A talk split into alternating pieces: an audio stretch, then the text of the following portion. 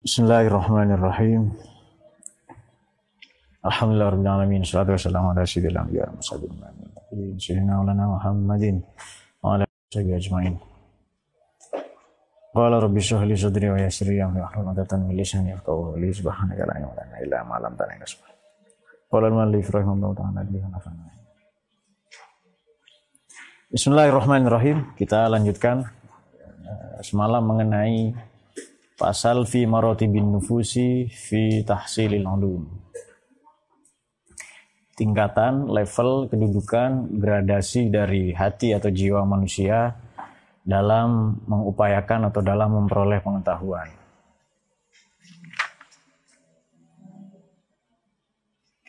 Bismillahirrahmanirrahim.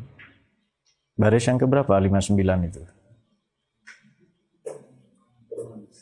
Apa?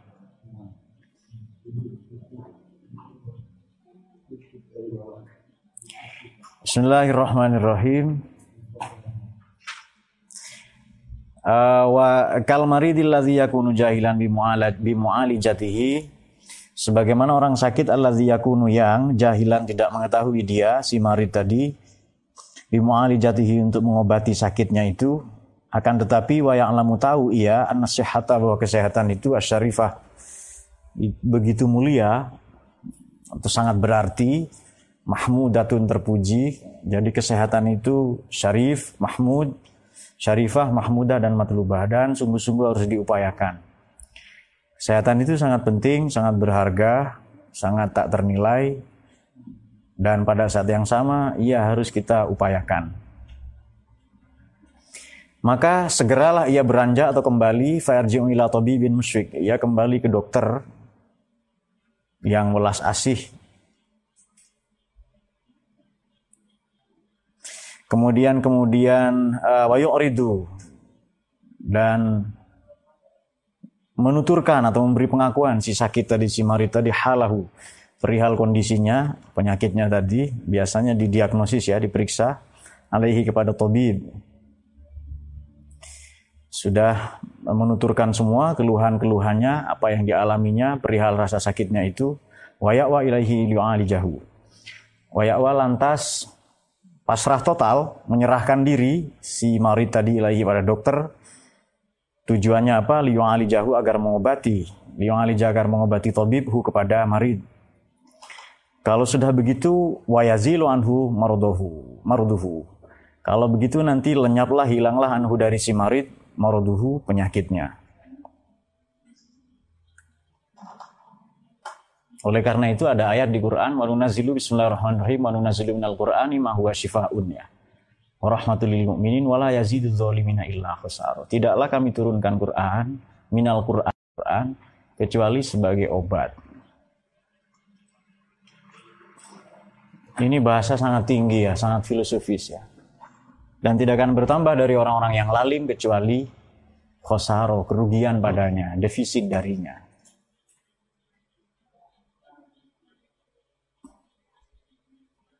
Tapi kita tidak menyadari bahwa kita ini sakit kadang ya.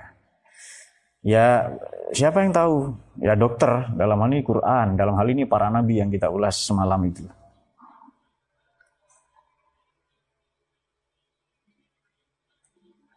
Waqatru aina. Sungguh telah mendapati kami, ini kata beliau ya, malif pengarang. Aliman pada orang yang alim, tetapi yumridu, ia mengidap penyakit Yumridu bimarodin, mengidap penyakit. Si alim tadi, bimarodin khosin, mengidap penyakit tertentu. Karoksi wasodri, sakit kepala. Mungkin sekarang aneh-aneh nama penyakit itu ada kanker otak, meningitis ya. Kemudian sakit dada, ah ini Ustadz ini yang sakit dadanya. Maksudnya jantung, paru-paru, apa koroner, kardiovaskular, macam-macam itu loh yang penyakit medis semua.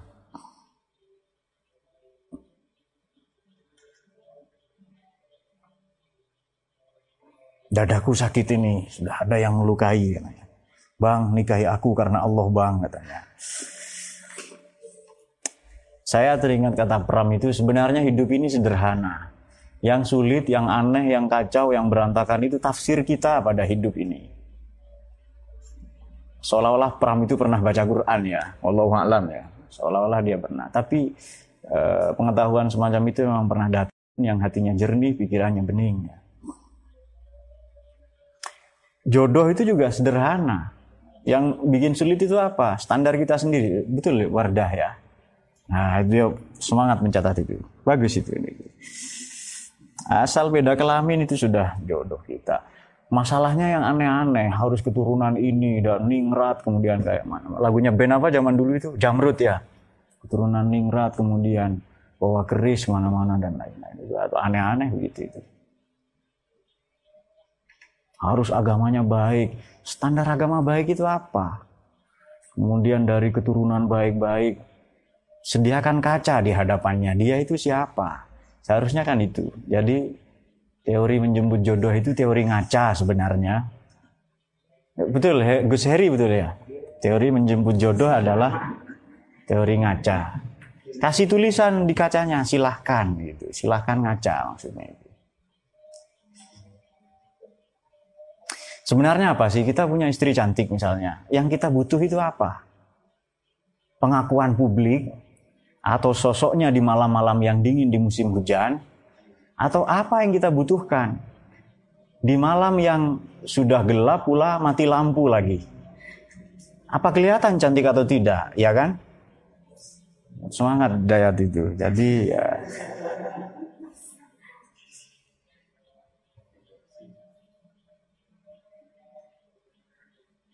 Ya dunia ini kan fana ya, ya fana ya seperti itu sifatnya. Kita punya mobil, apa yang kita butuhkan? Apakah itu ia kendarai mengantarkan kita ke tujuan atau yang kita butuhkan pengakuan orang-orang? Kalau yang kita tuntut kita cari pengakuan orang-orang, jangan beli mobil menurut saya, beli pengakuan saja. Ya, jadi ya santai saja. Saya harus diakui. Kalau saya datang harus disambut tolak al-badru alaina. Orang semesti cium tangan semua misalnya. Ada film itu yang cium tangan diganti pakai tangan itu, tangan artifisial itu. Singkirkan itu. Uh, Oke kiai misalnya ya, baik kiai. Apa yang dibutuhkan apa? Kalau kiai adalah ngimamin, sudah sana, adzan sendiri, komat sendiri, ngimamin sendiri, selesai kan.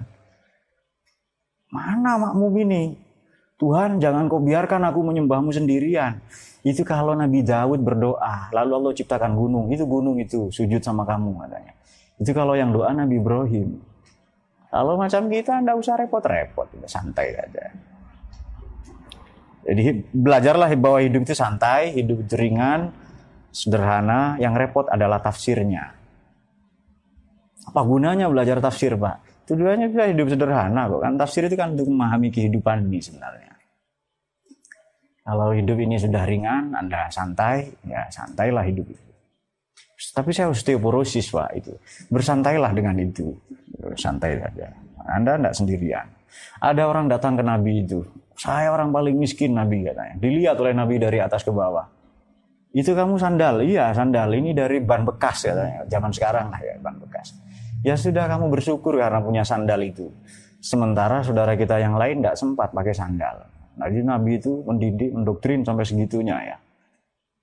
Lalu kita punya apa? Banyak yang kita punya. Banyak semua, banyak sekali yang kita punya. Kita sempat ngaji, sempat belajar ya kan. Itu rezeki sebenarnya itu. Kemarin ada yang nanya ke saya, Pak gimana sekarang musim pandemi?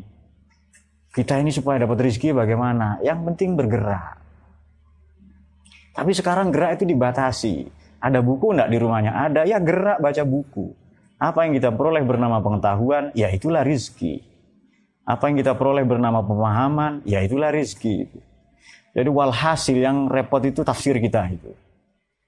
Dan saya sudah mengalami kenapa? Karena kita sama-sama belajar tafsir itu.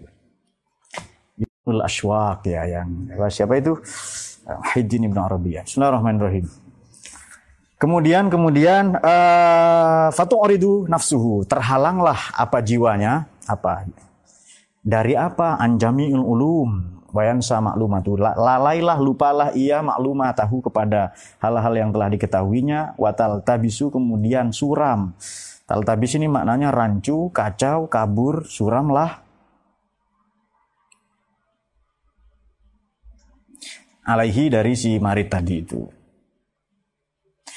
Eh, orang-orang uh, yang Oh baik kita teruskan saja dulu ya. Saya kira sudah dipahami. Orang sakit sementara ia tidak tahu bagaimana cara mengobati, tetapi satu hal yang ia tahu bahwa sehat itu penting. Kesehatan itu sangat berarti dan itu wajib diupayakan. Oleh karena itu ia datang ke dokter yang penuh welas asih ya. Dokter betulan ini bukan kan ada lagu zaman dulu ya. Dokter cintaku, kau nanya nih hatiku dengan racun cintamu yang gimana itu? Nah, yang itu ada dokter. Jangan, jangan ada dokter yang seperti itu. Lalu ia sampaikan semua, ia tuturkan, beri pengakuan, ia serahkan semua dirinya itu untuk diobati, maka nanti perlahan-lahan lenyaplah penyakitnya itu. Namun demikian, ini itu apa contoh ya permisalannya itu. Kemudian beliau rahimahullah meneruskan bahwa kami juga sering mendapati orang alim yang sakit dengan penyakit-penyakit tertentu, sakit kepala, sakit dada. Kemudian kemudian terhalanglah jiwanya, ruhnya, kalbunya dari apa-apa yang tadinya telah diketahui sehingga poin-poin yang telah diketahuinya menjadi suram, menjadi kabur, menjadi rancu. Oleh karena itu wayastatiru tertutuplah fi hafidhotihi hafalan-hafalannya wa zakirotihi dan ingatan-ingatannya. Jami'a ma hasolafi sabiqi umrihi. Apa pun yang telah ditempuhnya, diraihnya dalam pembelajaran di masa yang lalu. Jami'a ma hasola fi sabiqi umrihi. Wa madhi. Wa madhi ayyamihi dan hari-harinya yang telah lampau. Waduh sudah, sudah, sudah lewat semua ini yang saya pelajari lalu hilang semua kata si alim yang sakit tadi. Lantas kan sudah diobati itu oleh dokter itu. Faiza soha manakala telah membaik. Wa ada dan kembali apa asyifa vitalitasnya ilahi kepada si marid. Lantas yazulun nisyan. Hilanglah nisyan. Kealpaannya. Apa yang tadinya dia lupa itu loh. Hafalan, pengetahuan, ingatan. Dari dari si marid anhu. Watarjuun nafsa watarjuun nafsu ila maklumatiha dan kembalilah lantas jiwanya, hatinya, kalbunya kembali mengingat, menghafal, mengetahui apa-apa ila maklumatiha terhadap pelajaran-pelajaran yang telah diketahuinya. Kalau sudah begitu fatat guru, ingatlah si nafsu tadi itu. Ma terhadap apa pun kot nasihat yang telah terlupakan fi ayyamil marot pada hari-hari di mana dia sakit. Itu sampai di situ. Kemudian kesimpulannya ini fa'alimna. Tahulah kita sekarang annal uluma bahwasanya pengetahuan mafaniat sebenarnya tidak musnah. Wa inna manusia tetapi dilupakan saja, hanya saja ia terlupa. Dan beliau membedakan ya Imam Al-Ghazali ini wa farkun bainal mahwi wan nisyan. Ada perbedaan, ada garis demarkasi yang signifikan, ada perbedaan yang menganga merentang antara al-mahwu dan nisyanu. Wa farku bainal bainal mahwi wan nisyan, bedanya mahwun ini uh, terhapus ya, mimhatun kan penghapus. Kalau mistoroh penggaris. Uh, beda yang terhap beda antara terhapus dan lupa. Maknanya lenyap ilmu itu sama sekali dan lupa itu beda. Binasi di kalangan orang-orang. Final mahwa karena sesungguhnya ilmu yang lenyap atau terhapus tadi, fana ialah fana nukusi warusumi. Lenyapnya, sirnanya an-nukus. Epigraf, bahasa yang keren lah ya. Epigraf, ukiran, cat, ornamen. Mungkin yang Anda paham cat saja, enggak apa-apa. Epigraf, Din, tulis epigraf, Din. Epigraf, ornamen, ukiran-ukiran, warusum, dan dokumentasi-dokumentasi. Kalau mau diartikan versi Adnan ya corak dan tulisannya. Sudah itu sajalah, gampang dipahami. Itu kalau ilmu mahun, mahun yang lenyap tadi itu ya. Sementara kalau nisyan, kalau lala itu apa? Iltibasun nukus. Kabur, rancu, tidak jelas, samarnya an-nukus. Ukirannya, coraknya, epigraf, epigrafnya, catnya sudah mulai kabur. Ini hitam atau kelabu ya, ini merah atau ungu. Karena sudah samar-samar itu lalai atau lupa. Fayakunu maka jadilah apa yang diketahuinya tadi. Kalau ghamam awis sahab as-satir.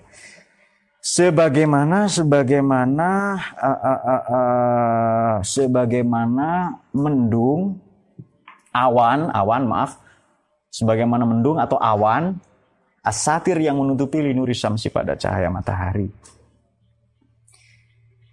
Cahaya matahari an absorin nazirina dari penglihatan orang-orang yang memandang.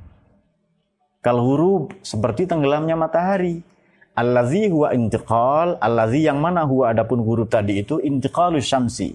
Bergesernya, lengsernya matahari min fauqil ardi dari atas permukaan dari dari langit itu ya atau di atas bumi ila asfal menuju bagian bawah bumi. Sudah tenggelam berarti itu. Oleh karena itu, fastighalun nafsi, kesibukan hati, sibuknya hati nurani atau jiwa ini bitalumi dengan belajar adalah tak lain adalah huwa izalatul marut al-arid, menghilangkan penyakit al-arid yang merintangi. Izalatul maradil aridi menghilangkan penyakit yang merintangi anjau hari nafsi dari substansi jauharnya jiwa tadi. Yang kemarin sudah dibikin apa? Bagan-bagannya itu. Uh, yang apa memudahkan kalian lah ya. Kalau malam ini ada sidang para wali lagi, tidak apa-apa untuk memudahkan. Kita bikin dari awal-awal yang pertama. Bagus itu. Ya. Oh lelah, ya. Wali juga lelah kan manusia kan wali ya. Ya lelah, lelah. Baik ya. Sebenarnya kalau kita baca begini kan dipahami kan ya, yang kita sampaikan bahasa manusia kan, sudah paham ya sudah itu. Hanya untuk membantu misalnya supaya bagan-bagan. Kan otak-otaknya Dayat kan lebih seneng gambar dulu dulu dulu tahu stensilan Habib ya berarti orang kuno ini orang kuno. sudah ada cerita stensil itu bahwa ada perempuan mendatangi lelaki kemudian dia menyerahkan betisnya makanya betisnya sapi atau apa untuk dikonsumsi nah, tidak ada zaman dulu berarti itu ya, kuno itu sudah menghayal yang aneh-aneh itu dah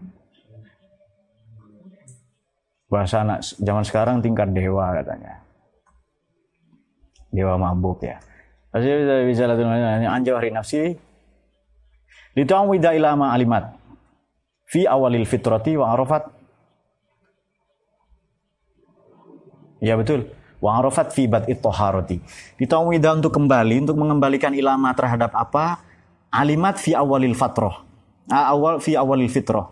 Apa yang telah dimengerti pada awal penciptaan dan apa yang telah diketahui pada permulaan kesuciannya.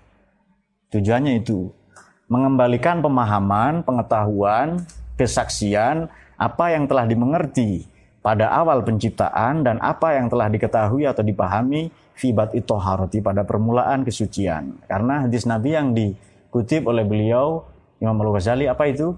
Kullu mauludin yuladu alal. Nah itu dia. Memang suci semua di hikam atau kata Imam Az-Zarrug itu juga ada. Manusia ini sudah wali semua sejak lahir. Juga hadis yang dikutip beliau ya.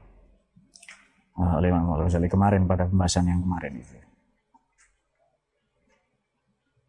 Fa'lam, maka ketahuilah anna nafsal maridoh tahtaju ila ta'allumi wa infaqil umrah wa infaqil umri fi tahsilil ulumi Fa'lam ketahuilah anna nafsa sungguhnya jiwa al-maridoh yang sakit tahtaju ialah membutuhkan ila ta'alumi pada pelajaran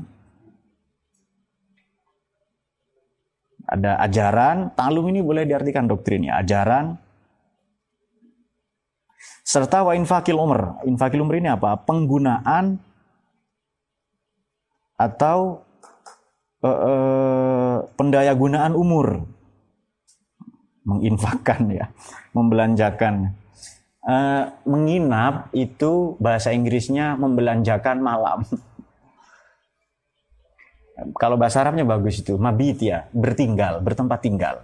Mabit menginap. Bahasa Inggrisnya spend the night, membelanjakan malam. menginap itu dalam bahasa Inggris ya.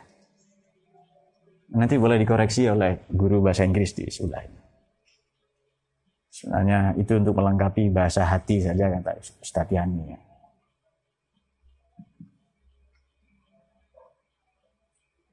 Jadi memang beliau ini sudah menerapkan konsep uzlah ya. Ketika terjadi kekacauan di sini dia uzlah. Tiba-tiba gondrong kan masih ingat ya, Gus Heri ingat ya. Ketika terjadi kekacauan, dia bertapa di sana itu.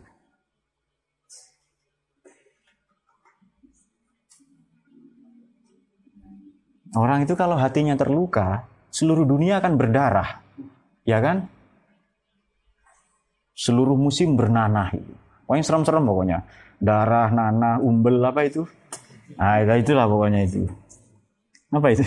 Ingus ya. Seluruh musim beringus itu. Fa'inna fa'amma fi tahsilil ulumi untuk memperoleh pengetahuan. Faman nafsal lati yakhifu marduha wa takunu illatuha wa syarruha wa takunu illatuha dha'ifatan wa syarruha daqiqon wa ghamamuha raqiqon ah raqiqon atau ropikin rofikon nah ya wa mizajuha sahihan. Sesungguhnya jiwa allati yakhifu yang allati yakhifu marduha yang mengalami sakit ringan. Itu sajalah bahasa yang lebih Anda pahami mungkin ya.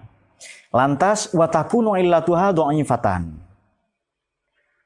Penyakitnya masih wajar atau dalam batas toleransi kewajaran. Wasyarruha daqiqatan, polusi-polusinya juga masih tipis. Wa bahkan awannya, mendungnya itu roqiqon, tidak tebal.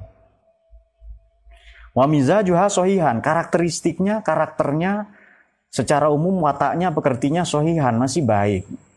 Sohihan ialah baik. Fala tahtaju maka tidak membutuhkan apa jiwa tadi itu ila ziyadati ta'allumin pada uh, ekstensi waktu belajar, waktu li ta'abin, perpanjangan maksudnya, tambahan belajar ya. Uh, waktu litabin, kalian pernah mendengar istilah ekstensi dalam perkuliahan ya? Kan ada reguler, ada ekstensi. Ada SP. Semester pendek ya. Di semester-semester pendek itu dulu diterjemahkan oleh teman, ini semester pertolongan Tuhan karena di sana dia terancam itu. Banyak diancam biasanya ya. Nggak tahu dosen itu kok sering ngancam ya. Allah saja santai kok itu. Ya Allah itu yang mau silahkan kafir, yang mau silahkan beriman, ya kan? Santai Allah itu. Perintahnya apa? Sudah kamu sujud saja. Tidak ada perintah bersujudlah dengan sempurna, dengan lama. Tidak ada, sujud saja. Jadi uh, supaya ringan saja ya bagi para pemalas, terutama di bulan Ramadan karena apa? Sleeping berskala besar katanya tidak penting. Ya penting lah, penting. Uh, intinya begini, bukan tidak penting ya. Jangan sibuk, ini sholat saya diterima atau tidak. Jangan sibuk itu. Ini puasa saya diterima atau tidak. Yakin saja, karena Tuhan itu berdasarkan prasangka kita. Misalnya, misalnya lo ya, ada orang nakut-nakutin, sholat kamu tidak diterima. Saya Protes ke Rokib Atid itu. Ada nggak catatan saya sholat? Ada, sudah cukup itu. Sudah memenuhi kuota, memenuhi ambang batas bahwa saya sudah pernah disuruh sholat dan sujud. Selesai itu. Tapi nggak diterima, nggak apa-apa. Santai itu. bukan urusan kita. Terima atau enggak bukan urusan kita. Perintahnya kerja, perintahnya belajar, perintahnya bersujud, diterima atau tidak. Kalau kerja ya kaya atau tidak, urusan nanti itu. Yang perintahnya belajar kan, Dayat protes, ada nggak catatan saya belajar di situ? Ada. Tapi kan kamu 90% nggak ingat pelajaran. Ingat Sugi misalnya, satunya Sugi Nur, satunya Sugiono ya kan?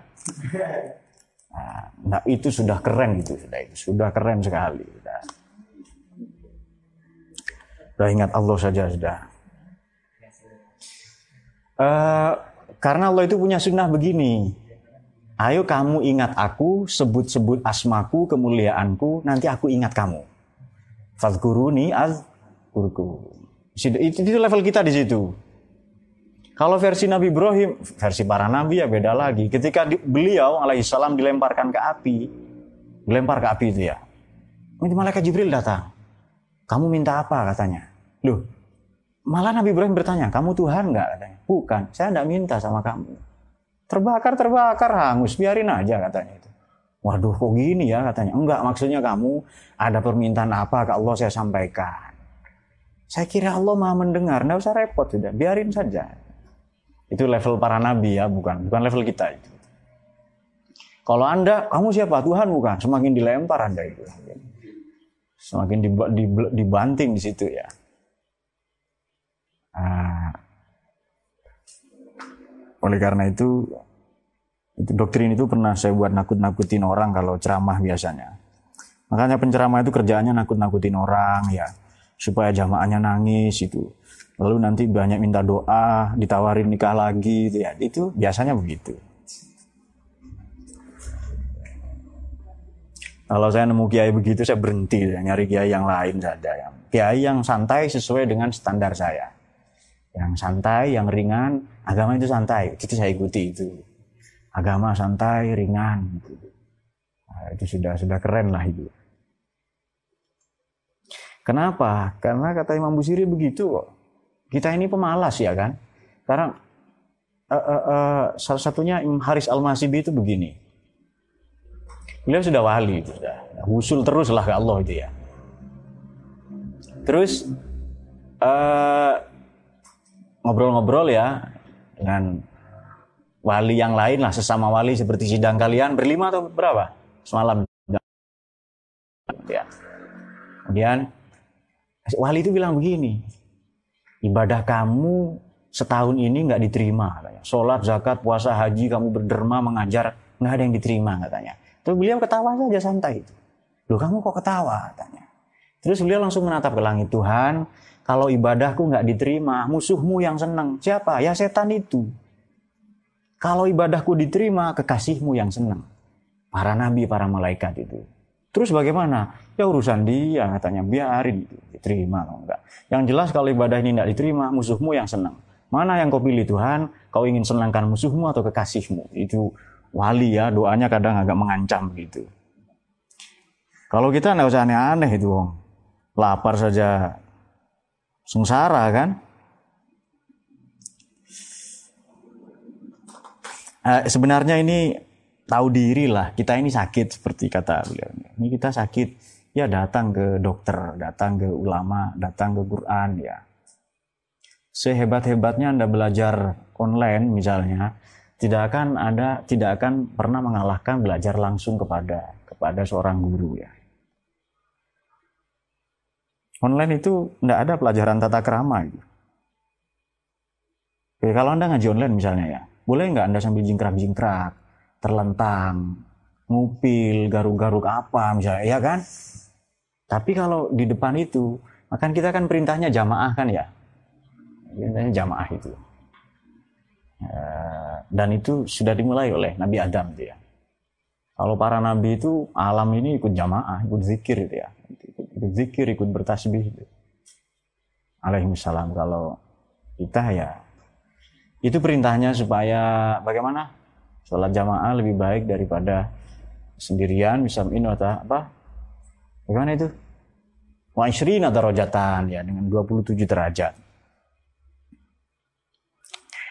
Eh, kekurangan-kekurangan kita itu bisa ditambal dengan itu.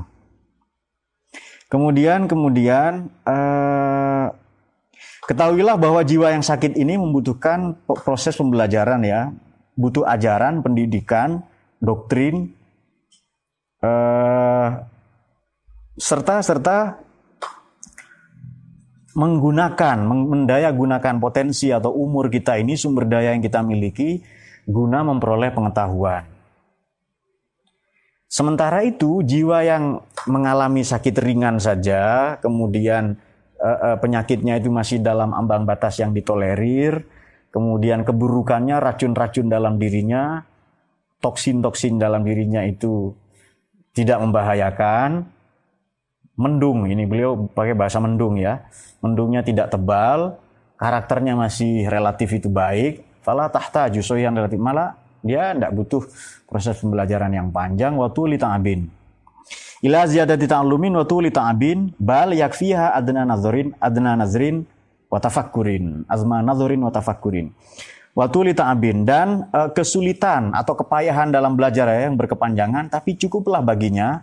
Bal yakfiha cukup bagi jiwa tadi itu adna nazarin wa tafakkurin. Ya dengan sedikit berpikir dan merenung.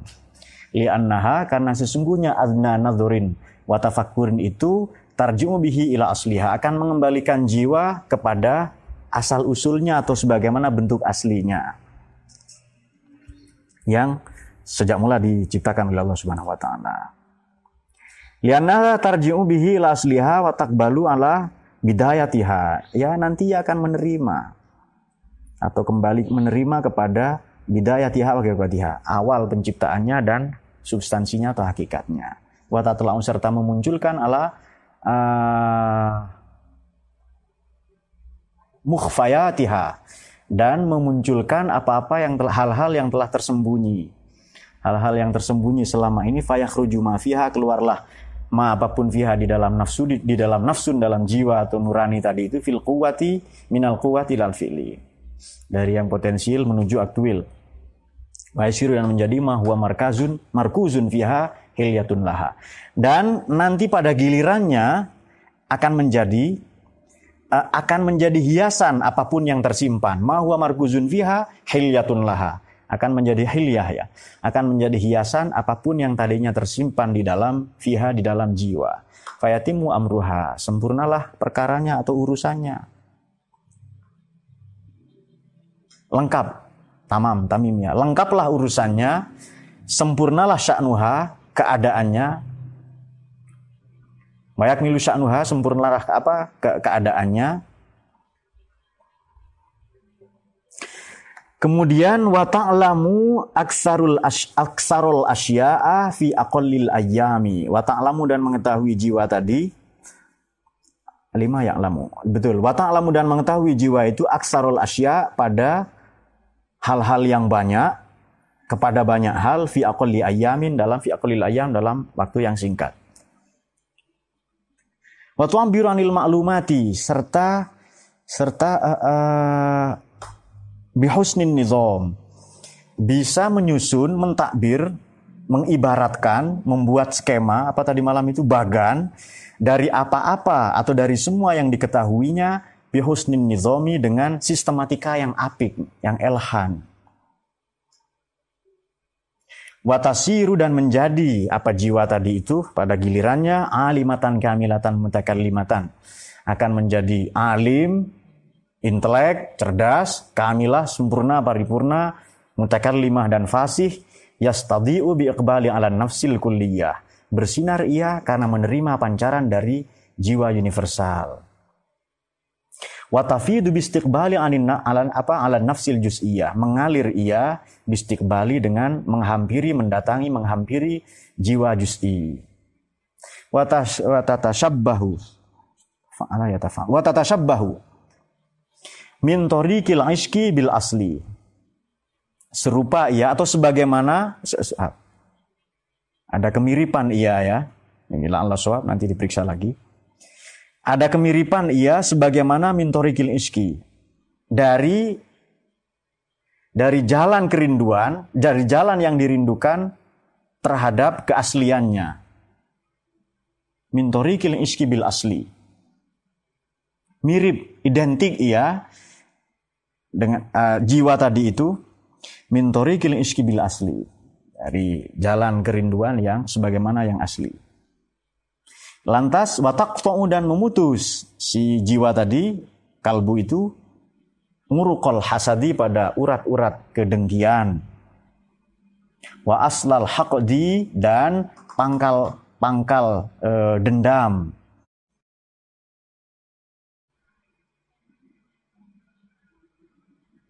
Serta wa ta'ridu an fudulid dunia berpaling ia nafsu tadi jiwa tadi an fudulid dunia dari berlebih-lebihan dalam urusan dunia wa zukharif wa zakharif wa zakharifiha dan perhiasan-perhiasannya, perhiasan dunia maksudnya. Wa idza wasalat bila mana telah sampai apa jiwa tadi ila hadhil martabah kepada derajat ini, level ini, faqad alimta. Ah, faqad alimat, ya. Wa najat wa fazat. Maka benarlah taulah ia wanajat dan selamatlah jiwa tadi, wafazat dan bahagialah jiwa tadi. Fadha wal matlub li jami'in nas. Inilah yang selalu diharapkan atau dituntut, diinginkan bagi setiap bagi semua umat manusia.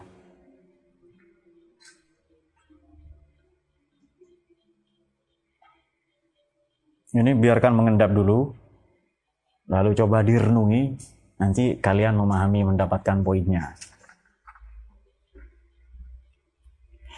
Uh, sedikit kita singgung dari uh, apa pembahasan yang kemarin ya, sebelum nanti ada ada diskusi ya. level tingkatan-tingkatan gradasi jiwa dalam menerima pengetahuan ini bermacam-macam seperti disinggung oleh beliau ya. Ada kalanya kata beliau sakitnya itu karena tempat tinggalnya. Jadi tempat yang kita tinggali ini apa tidak kondusif, kurang baik sehingga penuh polusi ya berpenyakit. Bagaimana itu? uh, amman nufus amman nufus al marido fi hadid dunya dani'ah fasorat ala marati bi ba'dihim uh, asaru yasiru tu asiru bi maradil manzili ta'assuran dhaifan ya rumahnya sakit lingkungannya sakit terpengaruh lah ya bagaimana hadis nabi itu al mukhalatatu muassirah pergaulan itu menular dulu ada ujar-ujar lama dari mbah-mbah kita kalau bergaul dengan orang baik, Anda ketularan baik. Apa tukang apa biasanya uh, minyak wangi, Anda ketularan wangi itu. Karena pergaulan Anda itu ya. Kemudian yang tadi itu beliau rahimahullah membedakan antara ilmu yang terhapus atau lenyap sama sekali dengan lupa. Jadi ibarat badan yang sakit, jiwa yang sakit juga demikian. Jangankan jiwa ya, badan sakit saja kita lupa kok. Tidak konsentrasi. Diajak mikir itu tidak bisa. Uh, makanya orang itu kalau sakit yang hilang sekurang-kurangnya sesuai hadis Nabi ya. Yang hilang padanya sekurang-kurangnya tiga. Yang pertama al-quwah, vitalitas. Orang sakit ya, apabila apabila seseorang itu sakit, maka lenyaplah darinya tiga hal Pertama adalah al-quwah, kekuatan atau vitalitas. Yang kedua, lazatut ta'am, taste, taste, taste, selera makan. Tetapi yang ketiga nih yang paling menggembirakan adalah az dosa-dosa. Syaratnya apa? Kalau dia sabar. Nanti kekuatan itu, vitalitas dikembalikan, lazatut ta'am, selera makan juga dikembalikan oleh Allah ya. Tetapi dosa-dosa tidak, kalau dia sabar. Jadi dosa itu cara cepat menghapus dosa. Ah, apa tadi? Sakit, sorry. Sakit itu adalah cara cepat menghapus dosa. Orang kalau tidak pernah sakit, dia tidak tahu sehat apa. Pentingnya sembuh ya. Pada kami itu mungkin Anda butuh kegelapan supaya Anda supaya Anda tahu makna cahaya. Nah, itu dia. Rubama waradatiz zulamu alaika liyu'arrifaka qadra mannan bihi ilaika. Mungkin kamu butuh kegelapan supaya nanti kamu tahu sadar bahwa anugerah Allah berupa cahaya terang itu penting.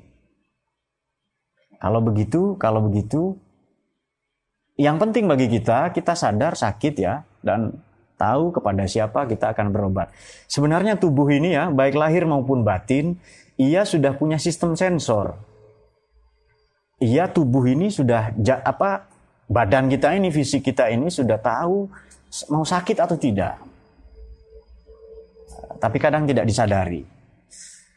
Yang sulit mengidentifikasi adalah kalau rohani kalau jiwa kita sakit. Kalau tubuh itu terasa sekali jangankan sakit ya coba anda pakai sandal itu kanan semua atau kebesaran semua nah itu anda tahu nanti mohon maaf mungkin saudara kita yang buta itu juga tahu kalau dia pakai sandal itu salah. Kanan semua misalnya. Kebesaran semua itu. Ini kok tidak enak dipakai ya? Ternyata bukan sandal, helm misalnya. Nah, maka kaki itu tahu sebenarnya karena punya sensor. Begitu pula rohani kita, itu hati kita tahu sebenarnya. Maka kan kita penting kan? Kalau kalau mari kita proses kekuatan ini kalori kita dapatkan dari diet. Kalori didapatkan dari dari makanan ya. Kalori itu apa Margono? Cari sendiri ya, pasti salah nanti. Nah, kita dapatkan dari makanan. 2000 KKL ya, 2000 kalori per hari sekurang-kurangnya. Baik, terbanyak itu ada pada karbohidrat ya. Empat sehat, lima sempurna itu. Susu baik untuk tulang ya. Kemudian eh, kalau makanan itu itu itu dari aspek medis dulu ya. Kalau makanan ini kotor, nanti sistem metabolisme kotor. Ginjal kita terpengaruh juga liver juga. Sudah. Kemudian apabila makanan ini kita peroleh dengan cara yang tidak halal atau makanan yang merusak akal, narkoba misalnya. Baut, sekrup, beling, kaca, paku payung yang, yang lebih ekstrim lah itu juga merusak akal nanti. Misalnya makanan ini makanan yang haram, ia juga akan menggelapkan hati kita. Makanan yang halal saja kalau ia berlebihan mengotori hati kita atau siapa keras keras hati nanti itu. Makanan yang halal saja kalau ia berlebihan dan terus begitu akan mengotori hati kita, membuat hati kita keras. Coba begini, uh, kalau kita berbuat dosa menyesal atau tidak? Sebenarnya kita ingin berbuat baik seperti saudara tetangga kita atau tidak? Kalau iya, kalau betul iya, maka itu identifikasi awal hati kita masih hidup. Masih apa Rifai? Masih hidup ya, ya. Saya tahu di antara kalian yang tatapannya kosong itu ya. Dia mungkin masih hidup ya. Apa Anda pernah Anda mengingat-ingat Anda pernah membaca itu? Ya. Mungkin Anda bacaan-bacaan itu ya. Mungkin ada di bacaan Anda itu. Itu saya. Sebenarnya yang Anda bayangkan bukan itu tadi ada kan ada versi itu ya berlapis-lapis itu. Apalagi makanan yang makanan yang kotor. Nah ini sebenarnya permisalan perumpamaan. Coba saya membacanya dengan sedikit berbeda ya. Sesuai teks tapi maksudnya apa? Kita uh, apa? Kita kontekstualisasikan dalam dalam hidup kita. Dari redaksi beliau yang tadi itu kami mendapati, kerap kali mendapati orang alim, berpengetahuan, terpelajar, well educated ya, terdidik, terpelajar ia, tetapi mengidap satu penyakit tertentu. Beliau contohkan sakit kepala atau dada. Kemudian terhalanglah jiwanya itu dari akses-akses pengetahuan yang telah dimilikinya selama ini. Artinya ia lupa pada apa-apa yang diketahuinya. Orang alim begitu sakit, kan afatul alim nisyan. Penyakitnya orang ber, berpengetahuan berilmu itu apa? Kalau dia lalai. Afatul jud isrof. Penyakitnya dermawan apa? Boros, terlalu berlebihan. Nah, ayat yang Quran bagaimana? Ataj'al yadaka. Fayana maglulatan ila ila unika wala tab tabsudah gulal basti fatam udah maluman ilahiril ayah pokoknya itu ya itu. Uh, la taj'al yadaka maglulatan. Tanganmu jangan begini ke lehermu. Maksudnya apa? Jangan pelit. Wala sudah gulal basti, jangan dilebarkan selebar-lebarnya. Jangan terlalu dermawan, artinya boros tadi. Nanti kamu menyesal. Nah, jadi jangan tergantung di leher, artinya tidak tidak membantu ya, tidak membantu. Apalagi Anda tinggal di rumah mertua, jangan sampai itu. Habib ya, tidur di rumah mertua itu. Kata mertuanya bukan kos-kosan ini mas, itu ya tidur tok katanya. Saya ibadah pak, langsung begitu ya. Berdebat dengan orang tuanya itu. Ketahuilah bahwa universitas mertua atau UNMER itu lebih kejam dari seluruh kampus di dunia. Kejam dalam tanda kutip ya. Tanda kutip itu. Saya tidak ingin punya mertua pak. Jangan nikah. Jangan nikah. Saya ingin menikahi pak. Pokoknya ini yang tidak ada mertuanya, yang nggak ada orang tuanya, Pak, yang sebatang karat, pohon, ya, dengan apa tripod ya, kaki tiga itu ya, itu sebatang karat itu silahkan anda. Nah, sedikit sedikit lagi sebelum nanti kita. Nah, kemudian dia suram ya. Kemudian tertutuplah hafalan-hafalannya, ingatan-ingatannya terhadap apa yang telah diperolehnya selama ini. Kita belajar sedikit mengganti ini ya. Nah, orang alim sakit. Ini kan kepala dan dada. Ini beliau keren sekali mengambil kepala dan dada. Kepala itu simbol intelektualitas, dada itu simbol spiritualitas. Simbol cinta bahasa gampang ya.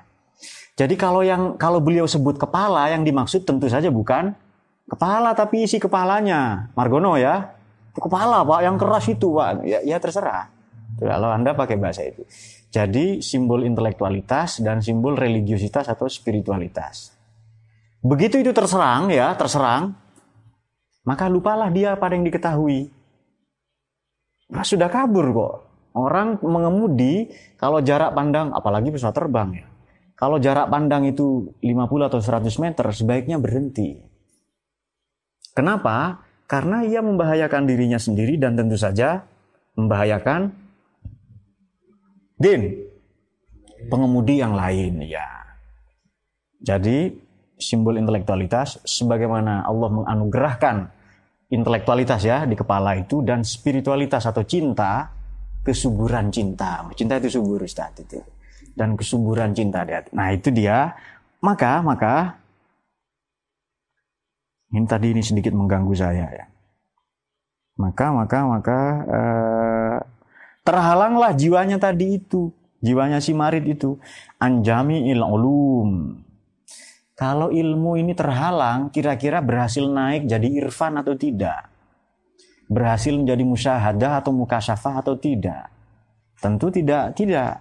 Lalailah, lupalah ia terhadap apa yang diketahuinya. Dan tertutuplah tadi itu. Ah, apa yang telah diperolehnya pada hari-hari yang lampau. Mahasalafi di masa lalu yang dipelajarinya. Namun demikian, manakala telah membaik karena sudah datang ke dokter tadi itu, kembali vitalitasnya, kesembuhannya, hilanglah kealpaannya. Ya apa yang apa yang dilalaikan oleh hati kita? Ada orang lain, ada kepedulian kepada saudara tetangga, ada keluarga kita menanti misalnya dan seterusnya ya. Maka kembalilah jiwa ini kepada karena jiwa ini sudah suci ya. Daya dia apa apa fitrotiha yang tadi itu maka uh, uh, uh, ingatlah nanti si jiwa itu terhadap apa yang dilupakannya fi ayamil marot pada hari-hari di mana ia sakit. Nah, rupa-rupanya, rupa-rupanya ya, kata beliau ini maka tahulah kita kemudian bahwa ilmu ini, pengetahuan, ilmu-ilmu ya, sebenarnya tidak punah, tidak sirna iya, hanya saja terlupakan sebentar. Dan itu berbeda antara lenyap, sirna dengan lupa.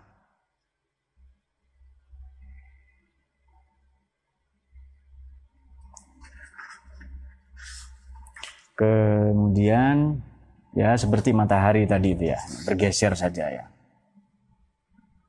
Fi awalil fatroti, fi awalil fitroti, kalau fatroh itu al fatroh pakai tak biasa. Fi awalil fitroti wa arafat fi fi badil fi taharati ya.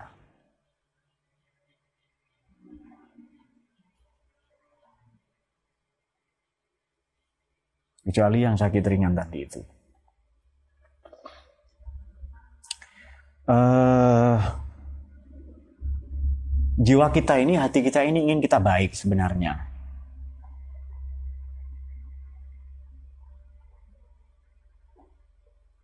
Apalagi ruh ya, karena beliau tidak membedakan bahasa itu. Ruh hati jiwa itu ya. Uh, beliau Imam Ghazali. Apalagi ruh. Ada orang pernah uh, kita ketahui apa naza itu orang. Orang yang dicabut nyawanya dia merasa sakit, dia merasa sakit.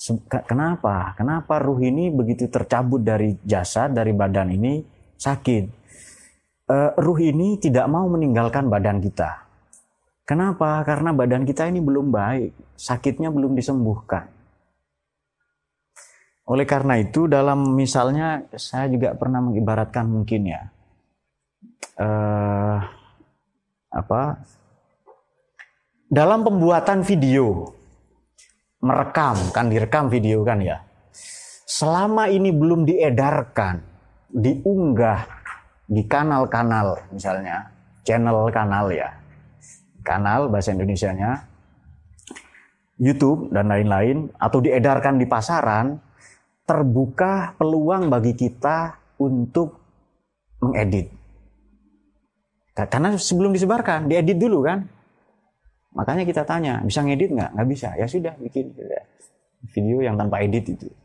Nah, biasanya nanti mungkin ada sulis suara, ada suara tambahan apa dubbing ya. Ada pertama recording, record direkam, lalu ada sulis suara, pengisian suara, dubbingnya. Lazimnya ada proses editing. Lalu disimak lagi, disimak, diedit lagi. Setelah itu dijadikan satu, suara, gambar, sound effect semuanya itu dijadikan satu, proses itu namanya mastering. Dijadikan satu kaset utuh lah zaman dulu ya, atau video. Begitu sudah dimastering dan diedarkan, nggak bisa diedit itu. Kenapa? Sudah diedarkan ke kuburan, ke alam barzah ya kan? Bagaimana mau ngedit?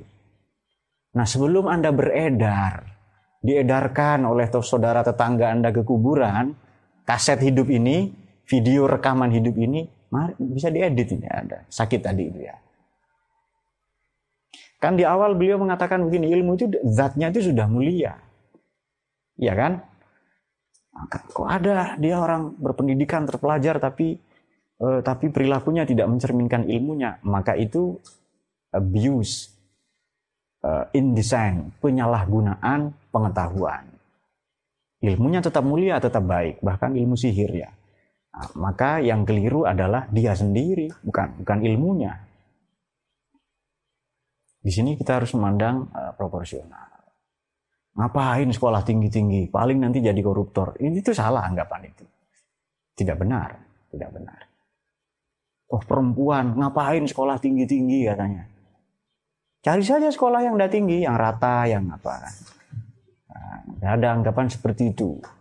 Saya melihat di beberapa tempat masih kental doktrin ini. Mungkin di rumahnya Wardah, ya masih keras doktrin tentang itu. Maksudnya bisa jadi lahan dakwah di sana. Iya. Karena harus kuat tulangnya kalau mau dakwah itu. Bagaimana mau jadi tulang punggung ya kan? Ya, tulang punggung. Tidak bahagia istrimu, tulangmu tidak kuat itu. Eh mana letoy kan? Kita doakan yang sakit-sakit tulang semoga cepat sembuh. Baik ya, minum susu berjemur ya. Nah itu dia. Allah alam bisa baik itu saja nanti bisa kita diskusikan lebih lanjut. Silakan kalau ada pertanyaan yang ini dengan semalam ya, nanti dijadikan satu pertanyaannya.